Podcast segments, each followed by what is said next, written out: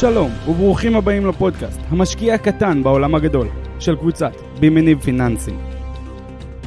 הפודקאסט שיחדד לכם את החשיבה, ייתן לכם רעיונות השקעה וייקח אתכם צעד אחד קדימה בעולם הפיננסים. יצאנו לדרך. שלום לכל המאזינים, שוב אנחנו נפגשים. מזמין אתכם לפתוח את האוזניים. מדי שבועיים אנחנו מוציאים את הפודקאסט שלנו, המשקיע הקטן בעולם הגדול. אה, ושוב פעם, כמו שאחת לחודש זה קורה, אנחנו עם אה, דני בריטמן, מנכ"ל קבוצת אה, בי-מני פיננסים. כיף להיות פה, הגיע הזמן לדבר היום על uh, עקב אכילס, נקודת החולשה והכאבים הכי גדולים של הציבור.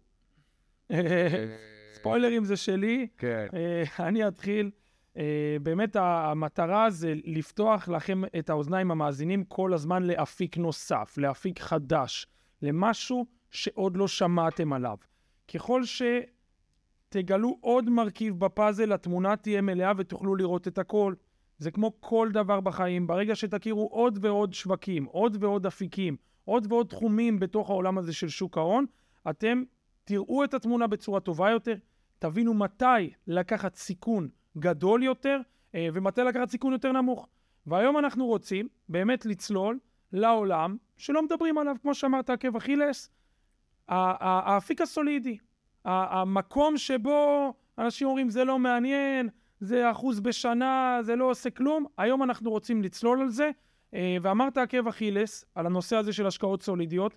דני היקר, תן לי מילה או שתיים, למה עקב אכילס? למה עקב אכילס של הציבור הישראלי זה מה שנקרא הקרנות הסולידיות, ההשקעות הסולידיות? אני חושב ש... אה, רוצה להעביר פה מסר מאוד מאוד חד בפודקאסט הקרוב, אה, שבאמת עוסק במה אנחנו עושים עם הכסף הסולידי שלנו כציבור, מה קורה בעובר ושב בבנקים, מה קורה בפקדונות, והאם בכלל נכון להשקיע באלטרנטיבות אחרות. למה עקב אכילס? למה אנחנו כרגע מצויים בבעיה?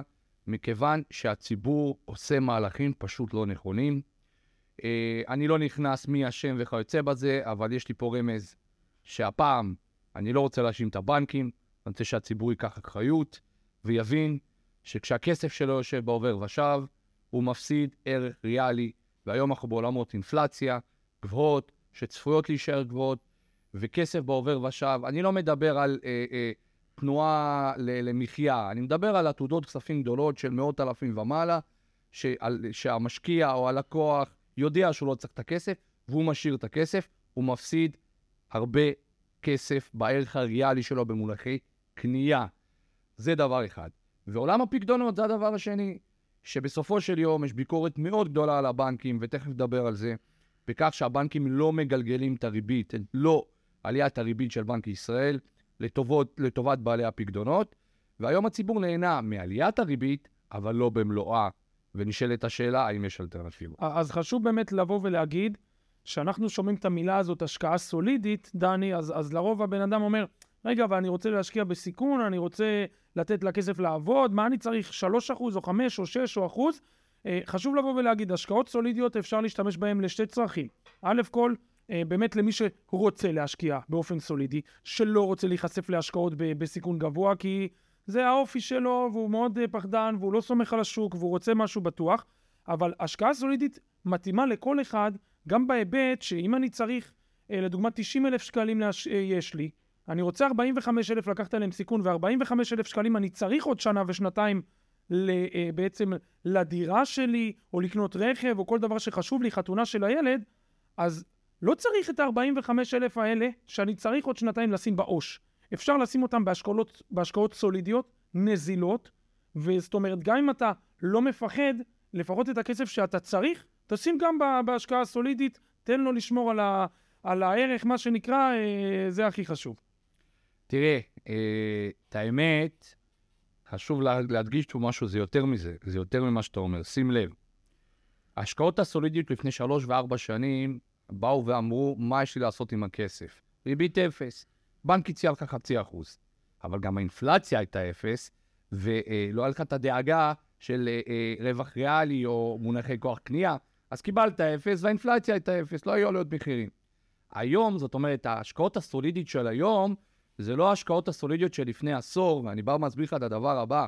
היום אין פריבילגיה להשאיר את הכסף בעו"ש כנקודת המוצא שלך. בניגוד לעשור האחרון, היא הפסד מראש ריאלי. אז זה הסיפור. לכן, אז אני לא מדבר עכשיו בפודקאסט הזה על הנושא של מניות, זה לא הסיפור. קודם כל היום, זה איך לא להפסיד כסף. זאת אומרת, אם אתה מגיע אה, לרווח ריאלי אפס, אתה במצב טוב, כי אתה עושה חמישה אחוז מול חמישה אחוז, או ארבעה אחוז מול אה, חמישה אחוז, אבל היום, נקרא לזה ההפסד במונחי כוח קנייה למשקיע שמשאיר את הכסף בעו"ש, הוא אדיר וזה לא היה. וזה המסר פה לציבור, חייבים להתעורר ולקחת אחריות על הכסף. טוב, יאללה, בוא נצלול, בוא, בוא ניכנס לעניינים. אה, הריביות עולות, אנחנו מדברים על זה בכל הפודקאסטים שלנו, אה, ובאמת אה, אין אחד שקצת מכיר את העולם הפיננסי ולא יודע שהריבית עלתה. אם היה לך משכנתה אז היא עלתה, ואם לקחת מימון לרכב או מימון לעסק שלך, הריבית עלתה. הריבית במשק עלתה. הכסף נשחק בעו"ש. בדיוק מה שאמרת עכשיו, כסף שיושב בעו"ש אה, חוטף מה שנקרא אינפלציה, אה, ערך הכסף יורד. אה, במונחים של, בואו נלך להיסטוריה, ב-2010 היה לי מיליון שקלים, במה שנקרא, אה, ב-2020 זה שווה אה, 930 אלף שקל. 70 אלף שקל הלכו לפח בעשור, רק על זה שהושבתי אותם בראש. זה מה שנקרא, הכסף נשחק למי שלא מבין. מה הבנקים מציעים לנו? הריביות עולות, הכסף נשחק. מה ההצעה?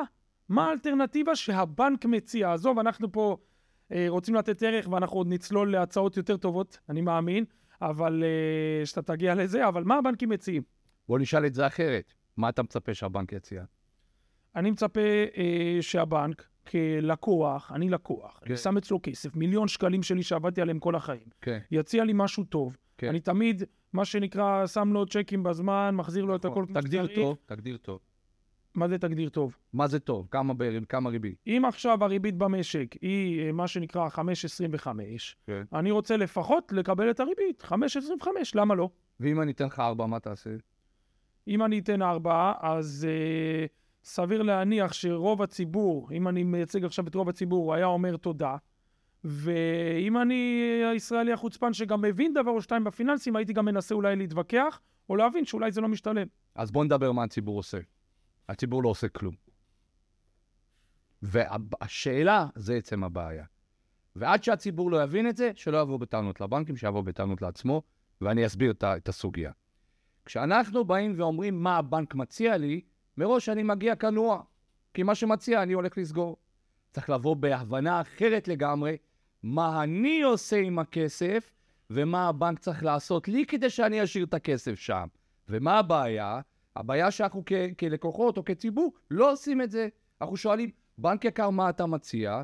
ואנחנו לא מבינים שבנק הוא גוף עסקי תחרותי, שנקודת המוצא שלו להרוויח כסף במרווח הפיננסי ולהציע לך כמה שפחות. הוא משחק צ'יקן עם הלקוחות, כשהוא יודע שהוא בצד החזק תמיד. אני מדבר כרגע על נקודת המוצא בשוק הבנקאי, שזה קבוצות מונופול, חמש קבוצות ששולטות בשוק הבנקאי. עכשיו, כשהוא משחק צ'יקן עם הלקוח מהראשון שיברח, הבנק יודע ש-80% יסגרו, 20% ילכו לסחר מכר, והוא לוקח את זה בחשבון. לכן מה שאני מציע פה למאזינים, זה לא לשאול מה הבנק מציע, אלא להפוך את השאלה לדבר הבא. מה הבנק צריך לעשות כדי שיזכה שאני אמשיך לעשות את הכסף? לה- להפוך את ההשוואה ולפתוח את העולם, מה אני צריך לעשות עם הכסף שלי בעובר ושב, או הפקדונות, ולא רק בבנק X, אלא בכלל מה האלטרנטיבות, ואנחנו נדבר על שוק ההון, והמסר שלי פה, שבשוק ההון הרבה יותר נכון עכשיו להשקיע אה, באפיקים סולידיים על פני אה, פקדונות בנקאיים, וזה העניין. אז זה המהות שאני רוצה להעביר פה לציבור, והציבור טועה, אני חייב להגיד את זה. הבנקים לא אשמים, המטרה של הבנקים הם מוסדות רווח להרוויח כסף. יש שאלה שאפשר לשאול האם הם לא הגזימו, הרוויחו רווחיות יתר וכיוצא בזה, זה כבר תכף נדון בסוגיה הזאת, אבל זה, ברגע שאתה שואל מה אתה מציע, צפה שהבנק לא יציע לך את הריבית, הוא ירצה להציע לך כמה שיותר נמוך, כדי שתוכל, שיוכל לקחת את הכסף, אה, למכור אותו באשראי במרווחים גדולים, זה הרווחיות שלו. זה- כן, אז אה, סקר באמת שעבר בבנקים בשנת 2022, הראה את מה שדני פה אומר, הוא אומר יפה. אה, מי שנתן כסף לבנק ועלתה הריבית, הבנק גלגל רק שליש מהעלייה של הריבית למי שנתן לו כסף. זאת אומרת, שמת בפיקדון, הריבית עלתה בשלושה אחוזים, העלו לך רק באחוז את הכסף בפיקדון. אבל מי שלווה מהבנק ולוקח אשראי ולוקח הלוואה, הבנק מעלה לו את ההלוואה, מה שנקרא, בכל השלושה אחוזים, בכל הריבית שעלתה. אה, וכמו שדני מעלה פה ביקורת ואומר נדון על זה אחר כך, אני בא ואומר למה אחר כך? בוא נדון על זה עכשיו, זאת השאלה שלי עכשיו. יש ביקורת על הבנקים מהצד שלך, אתה לא היחידי, אני קורא המון, יש המון ביקורות, כבר מתחילים לדבר אולי לעשות מיסוי עודף על רווחים של בנקים במדינת ישראל, הם מאוד מאוד מונופוליסטים. מה העמדה שלך בנושא? אז ככה, אה, הנושא הזה עלה על ידי שר האוצר, ומנסים אה, לקדם את זה בוועדות הכנסת וכיוצא בזה, אה, אה, ולחוקק אה, אה, מיסוי עודף על הרווחים הבנקאיים. אה, היוזמה בכלל דווקא אה, הגיעה ממשרד האוצר, מה, משורת הפקידים וכיוצא בזה, ויש פה שאלה, באמת מה המשמעויות ו- וכדומה. ראשית, אני מבהיר את זה כל הזמן. חשוב מאוד שלישראל יהיו בנקים חזקים, זו העוצמה שלנו. בלי בנקים חזקים אין כלכלה. אנחנו חייבים לסמוך על הבנקים, וראינו מה קורה אה, בארצות הברית כשלא סומכים על בנקים, ואבוי לנו אם בנק ייפול, אבוי לנו. אז ראשית, צריכים להיות uh, גם שמחים בזה שהבנקים מרוויחים ויציבים כדי uh, uh, לקדם את המשק כמובן. מצד שני, הבנקים, uh, uh, ופה ראוי באמת לבקר אותם, הם חזקים מדי, ו- ואין תחרות. דה פקטו אין תחרות היום בשוק הבנקאות הישראלי. Uh, השחקנים הדיגיטליים נקראים לזה, uh, לא מצליחים לחולל תחרות, בנק 1-0 וכל מיני בנקים כאלה ואחרים. וה, והשוק נשלט על ידי חמש קבוצות במונחי שוק של יותר מ-90 שזה פקטו המחירים מאוד מאוד דומים והם קובעים את המחירים. אה, ובאמת ברבעון האחרון הרווחיות הייתה אה, בין הגבוהות בעולם במונחים יחסים, אולי אפילו הכי גבוהה בעולם, יותר מ-10 מיליארד אה, שקל לכל הבנקים. מדבר על תשואות על ההון? גם תשואות על ההון, גם הרווחיות, מספרים פנומנליים, ועלתה יוזמה למסות על רווחים עודפים. אה, באופן תיאורטי הממשלה יכולה לעשות את זה, אולי אפילו יש לזה מקום, אבל אסור אה, לעשות את זה מוגזם מדי וקיצוני מדי, בכדי לפגוע בבנקים, צריכים פה בלנס. בסדר? זה הנקודה. הבנתי אותך, אוקיי. אה, טוב, בוא נשים בנקים בצד, כי אנחנו מבינים שהם לא לטובתנו, מה שנקרא, הם לטובת עצמם, הם גוף עסקי. אה, ובואו נדבר על אלטרנטיבות אחרות. אנחנו רוצים לתת פתרונות למאזינים, אה, ואנחנו רוצים לשמוע ממך ניסיון של 20 שנה, תן לי פתרון להשקעה סולידית, לכסף שאני צריך לטוס איתו לדרום אמריקה עוד שנתיים, או לקנות רכב או חתונה לילד, מה שדיברנו, אה, ובמקום לשים אותו בעו"ש, ושהכסף יישחק על ידי האינפלציה, אני אשקיע אותו, מה שנקרא, ב, אה, בשוק ההון. האם בשוק ההון יש כזאת אלטרנטיבה? ואם כן, אה, ספר לי עליה ותפרט בבקשה. ודאי, ודאי, ודאי שיש, ואני פה במסר ל, ל, לקהל המאזינים. צריכים לצאת לדרך מיידי ולעשות מהלכים של השקעה אקטיבית במוצרים אחרים שהם לא פקדונות בנקאיים, ואני ברשותך אמנה, אה, אמנה שלוש סוגי השקעות עיקריות. אחד זה מק"מ, שתיים זה אגרות חוב, שלוש, מוצר שנקרא קרנות כספיות, מעין מוצר שמשלב את כל האפיקים ביחד, ואני אנסה לפרט ולהסביר מה היתרונות והחסרונות. נתחיל עם המוצר הפשוט ביותר, מק"מ. מלווה קצר מועד של בנק ישראל. עכשיו, מה העניין? כשאני שם, אה, אה, אה, סוגר בפיקדון בבנק, או שם את כספי בעובר ושב, בסופו של יום אני מלווה לבנק כסף. סיכון שלי שהבנק ייפול ויהיה לי בעיות, הדבר הזה מוגבל, מה שנקרא ביטוח פקדונות וכיוצא בזה, אפשר להיות רגועים בישראל. יש מוצר נוסף, שהוא בשוק ההון, שאני יכול להלוות כסף לבנק ישראל. דה פקטו גם פה אין סיכון, אני חשוף לבנק ישראל. כנראה שאין פה אה, אה, תרחיש של סיכון אה, אה, אמיתי.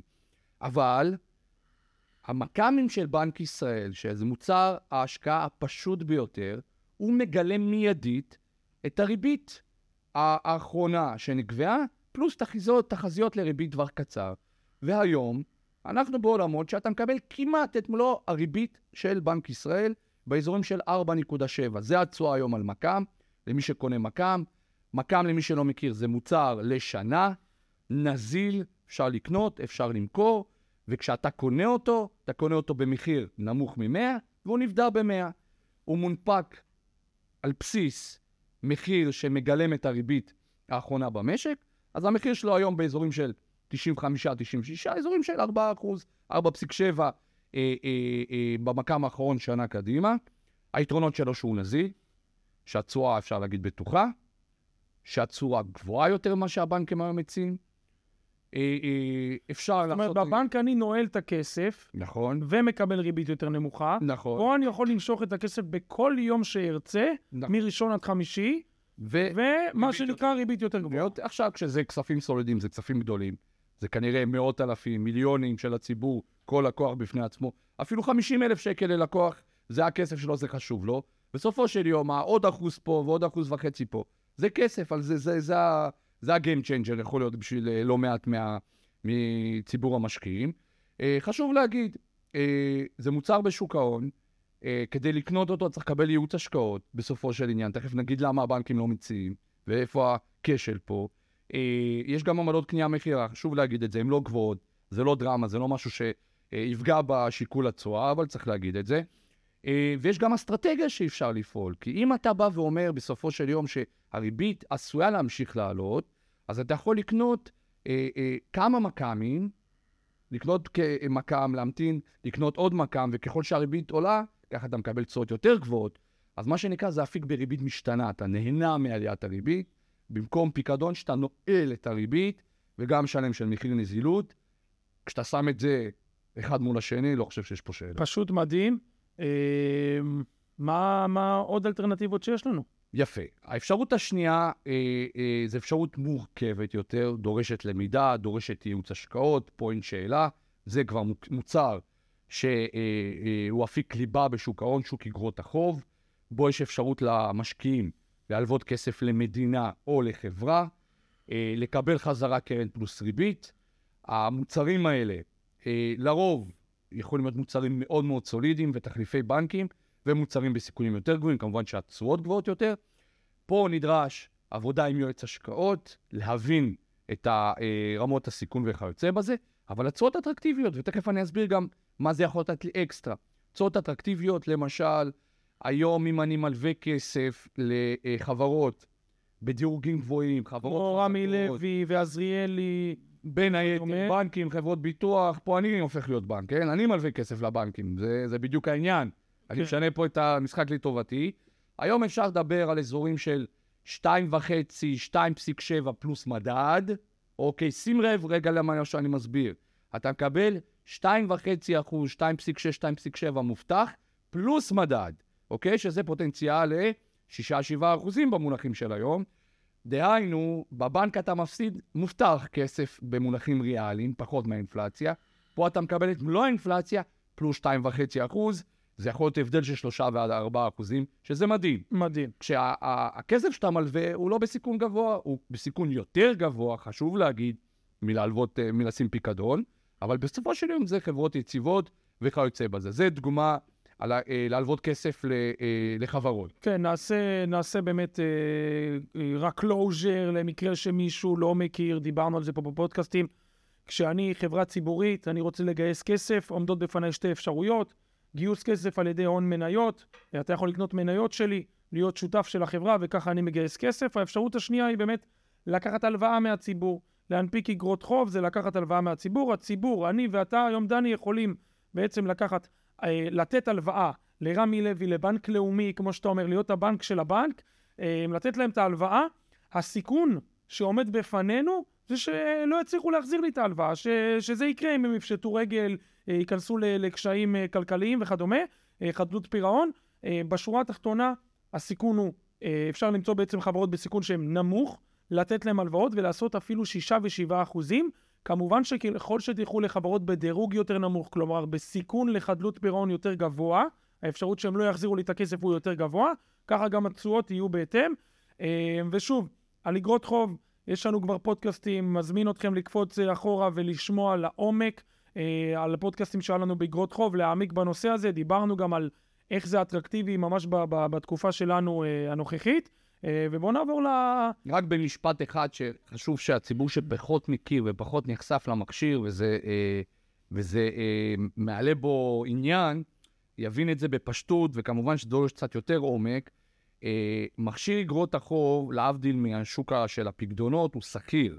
אפשר לקנות ולמכור אגרות חוב, ובעצם למשקיע יש שתי אפשרויות. האפשרות הראשונה זה להלוות את הכסף ולהחזיק עד הפדיון, עד שההלוואה תמה בעצם, ובאותו אה, אה, תרחיש לא מעניין אותו מה קורה במסחר, במה שהוא קנה, תשואה מובטחת, שהיום זה אזורים של 2.6 פלוס מדד, באגרות חוב לא בסיכון גבוה, שזה תשואות יפות, והוא מקבל את זה בצורה, אה, באופן מובטח. העניין הוא שצריך להחזיק לפדיון, 4 שנים, 5 שנים וכיוצא בזה. האפשרות השנייה זה מה שנקרא לסחור, אה, למכור במהלך התקופה, לקנות במהלך התקופה, ופה יש סיכון מסוים שחשוב להגיד שאם הריבית תעלה יותר מהמחירים של היום, צפוי שיהיו הפסדי הון בטווח זמן מסוים, ומי שיצטרך למכור, למכור את המוצר לפני הפדיון, יכול גם לחוות הפסדי הון.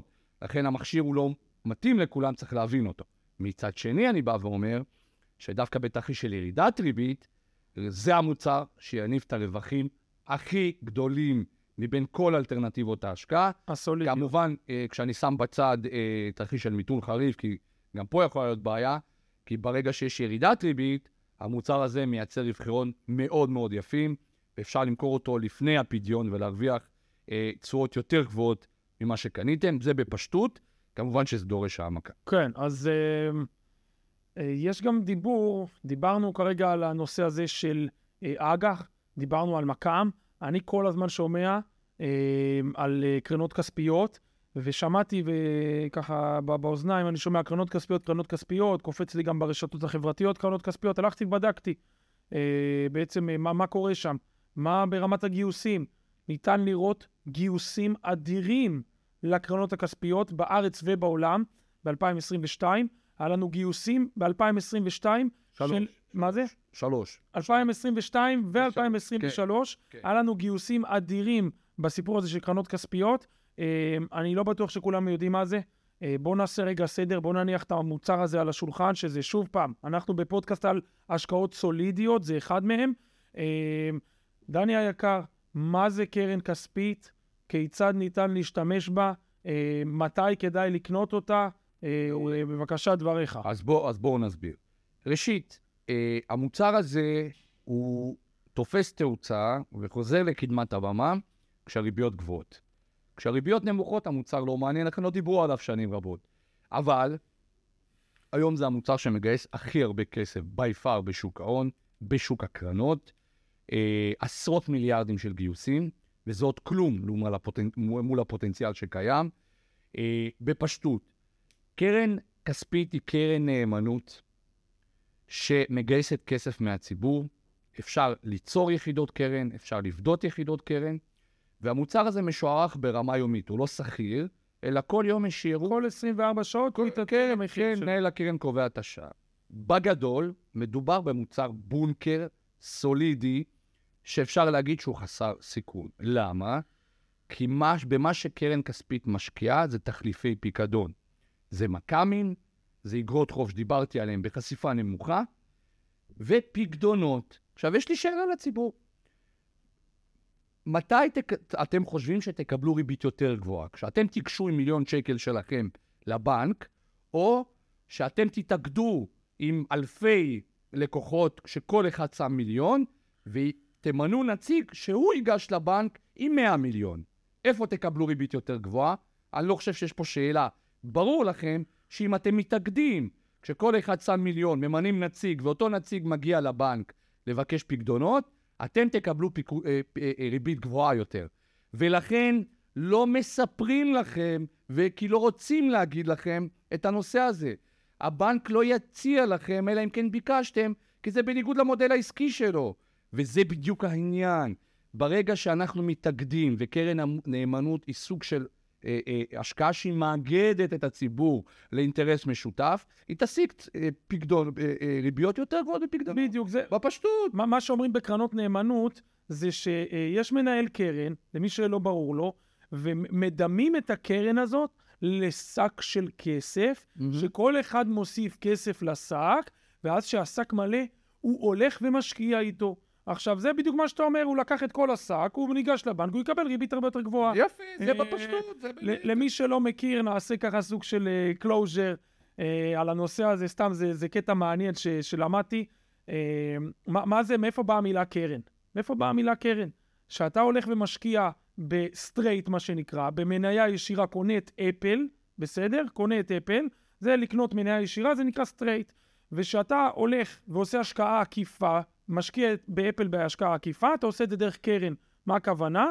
אתה שם את הכסף שלך במוצר שנקרא קרן, הקרן הזאת מפזרת למגוון רחב של אפיקים, היא הולכת לאפל, לאמזון, לגוגל, למייקרוסופט, מפזרת, אתה בעצם משקיע באפל, אבל בצורה עקיפה, לא באופן ישיר, אלא דרך קרן. מאיפה מגיעה המילה קרן? קרן, בזמנו בעבר, בעבר הרחוק, שהיית רוצה לשמור את הכסף שלך, לא, היית, לא היה כיסים וארנקים וכל האירוע הזה, היו לוקחים את, ה, את הקרניים של השור, והיית, זה היה הארנק של פעם, קרנ, אה, קרניים של השור, היית שם הרבה הרבה הרבה שקלים, היית אוגד את כל השקלים שלך במקום אחד שנקרא קרן של השור.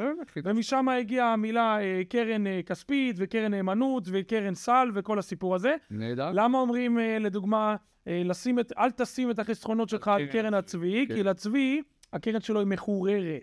יש לה חורים, ואז השקלים יכולים כביכול ליפול. אז אתה יכול לדמת את זה זה בדיוק. של הציבור בבנקים. יש מצב, תיזהר שאתה מלכלך עליהם, שלא... לא, לא, חלילה. אחרי זה. תבוא לבקש ריבית. ו... חלילה, חלילה. אנחנו, המסר הוא ברור, אנחנו פה לא בביקורת, אנחנו פה בלהתעורר, להבין ולקבל החלטות מושכלות יותר. זה הכל. טוב לנו שהבנקים חזקים, רק אתם תהיו חכמים לא. אז בואו נעשה סדר. מה זה קרן כספית? קרן כספית זה קרן שמשקיעה במוצרים שנפדים עד שנה מהיום. זאת אומרת, היא לא משקיעה במוצרים שהם לשלוש שנים, ארבע, חמש, אלא בין שבעה ימים לשנה, שנה זה המקסימום. אה, אבל במה היא משקיעה, דני? אז ככה, אז היא לרוב תשקיע בפקדונות עם, עם כוח הרבה יותר גדול להשיג ריביות יותר גבוהות, היא תשקיע במכ"מים, היא תשקיע באגרות חוב בדירוגים גבוהים, או מדינה או אה, דירוגים של חברות גבוהות. יש דבר שנקרא נע"מים, זה נייר מסחרי, עוד איזשהו מוצר סולידי מאוד, לא ניכנס לזה. זה, זה אפיקי ההשקעה. בגדול, השקעה סולידית, בונקר, אה, אפשר להגיד, ללא סיכון, אה, ויש יתרונות נוספים, שזה גם חשוב להגיד. ככה, לקחתם 100,000 שקל, סגרתם בקרן כספית. יש מגוון של קרנות כספיות, אה, איך בוחרים קרן כספית, אה, אה, ומה התשואה החזויה וכיוצא בזה. בגדול, קניתם את המוצר בשוק ההון, המוצר נזיל, שכיר, אין עמלת קנייה מכירה, חשוב להגיד את זה. אין פה פטנטים של סגור לשנה תחנות יציאה, אתה רוצה את הכסף, אתה מוכר אותו. הגרף, ותבדקו אותי, של קרנות כספיות, הוא עולה- אנליטי, אנליטי. זה לא מעידוף, זה לא פירמידה, כל עוד יוכח אחרת, אפשר להיות רגועים, כי זה הגרף היחיד שנראה כמו מעידוף. הוא אנליטי שעולה כל יום עם ערך הזמן. מאוד מאוד פשוט, תבדקו, תראו, קרנות כספיות, תיכנסו, תראו. הוא עולה עם ערך הזמן, התשואה הפוטנציאלית והחזויה שלו מאוד מאוד דומה לריבית בנק ישראל, קצת יותר, קצת פחות, זה המספרים. Uh, הקרן הכספית בעצמה מגלגלת מכ"מים, אני אסביר. זוכר שאמרתי לך שכשאתה משקיע במכ"מים זה ריבית משתנה, נכון. ואתה נהנה מעליית ריבית, אז זה מה שהיא עושה. אבל אם אתה משקיע במכ"מים באופן ישיר, אתה צריך כל הזמן להתעדכן ולקנות. אם קנית קרן כספית, היא מגלגלת את המכ"מים, ובעצם נותנת לך את מלוא עליית הריבית, אפשר להגיד, בסטייה קטנה.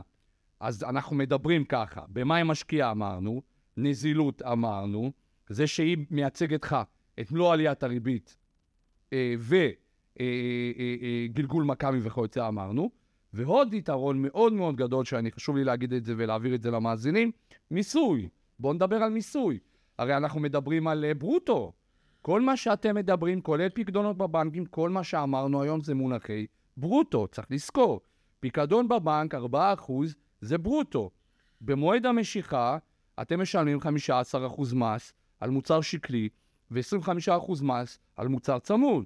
אז אם אנחנו מדברים נטו, בואו נשווה נטו. בקרן כספית, שימו לב לדבר האדיר הבא, המיסוי הוא רק על רווח ריאלי. מה הכוונה? רק אם הרווחתם מעל האינפלציה באותה שנה.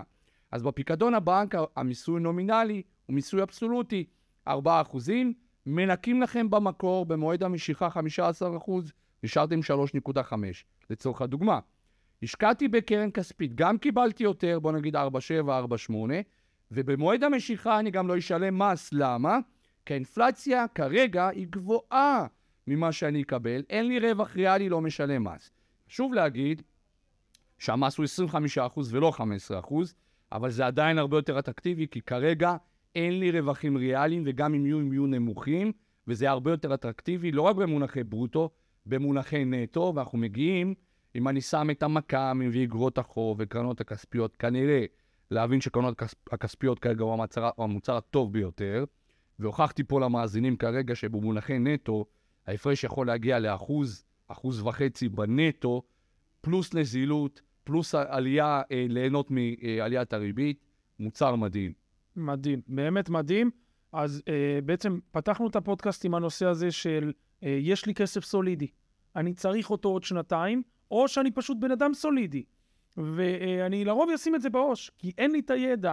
ופה בפודקאסט הזה באנו להנגיש את הידע, אה, הצגנו את המוצר שכולנו מכירים, לשים בפיקדון בבנק, את זה כולם מכירים, אה, ואנחנו באים ורואים מה החסרונות שלו לעומת שוק ההון, שזה הארוחת בוקר שלי ושל דני, שוק ההון. זה מה שאנחנו אוהבים וזה מה שאנחנו מתעסקים וזה מה שאנחנו עושים. אה, ובאמת נגענו במקם. היתרון שלו, בואו נעשה כזה סיכום, היתרון שלו שהוא נזיל, הוא נותן ריבית יותר גבוהה. אה, פספסתי משהו? נהנה מעליית הריבית. והוא נהנה גם מעליית הריבית. אה, אחרי זה דיברנו על אגרות חוב, שפה צריך קצת באמת יותר להבין, זה החיסרון כביכול, אתה צריך להיות בעל ידע, או לרכוש בן אדם בעל ידע שילווה אותך בדרך הזאת. אה, אבל גם פה התשואות הן הרבה יותר גבוהות, זה נזיל ברמה של כל דקה אתה יכול למשוך את זה כשהמסחר פתוח, את האגרות חוב. ועברנו למוצר האחרון, שלדעתנו הוא הכי עדיף לבן אדם, סולידי. המשקיע הפשוט, הסולידי, כן. שלא רוצה לשבור ראש, קח את הכסף ורוץ ושים אותו בקרן כספית. אני, אנחנו מפצירים בכם. כן. שימו בקרן כספית כסף שאתם צריכים לשנה הבאה, זה יהיה נזיל עבורכם, זה יעקוב אחרי הריבית וייתן תשואת ריבית הרבה יותר גבוהה ממה שהבנק יציע לכם, והיופי, גם המיסוי יהיה הרבה יותר נמוך. כן. אה, ואני חושב שזה מאוד מאוד חשוב. אה, הבהרה בשביל התמונה המלאה, המלאה גם של הסיכונים של כל דבר והחסרונות. לא הכל יתרונות, חשוב גם להגיד שהמוצרים שאנחנו מדברים עליהם, בסופו של יום אה, צריך להיוועץ עם יועץ השקעות כדי אה, אה, לקבל המלצה איך משקיעים וכיוצא בזה, לכן מומלץ לקבוע תור אצל יועץ השקעות בבנק, תרצו לעבוד, לעבוד, לעבוד, לעבוד איתנו בשמחה, כדי לקבל הכוונה איך להשקיע במוצרים האלה. כי זה מוצרים שדורשים יועץ. התמונה הגדולה גם אומרת, חשוב להגיד, היתרון של פיקדון, שאם אתה סוגר אותו ונועל אותו, זה ריבית קבועה, ריבית מובטחת. קרן כספית זה ריבית משתנה. זאת אומרת שאם הריביות עולות, אתה נהנה מעל הפיקדון. אם הריביות פתאום יתחילו לרדת, אתה תקבל תשואה נמוכה יותר. חשוב להבין את זה, זה ריבית משתנה.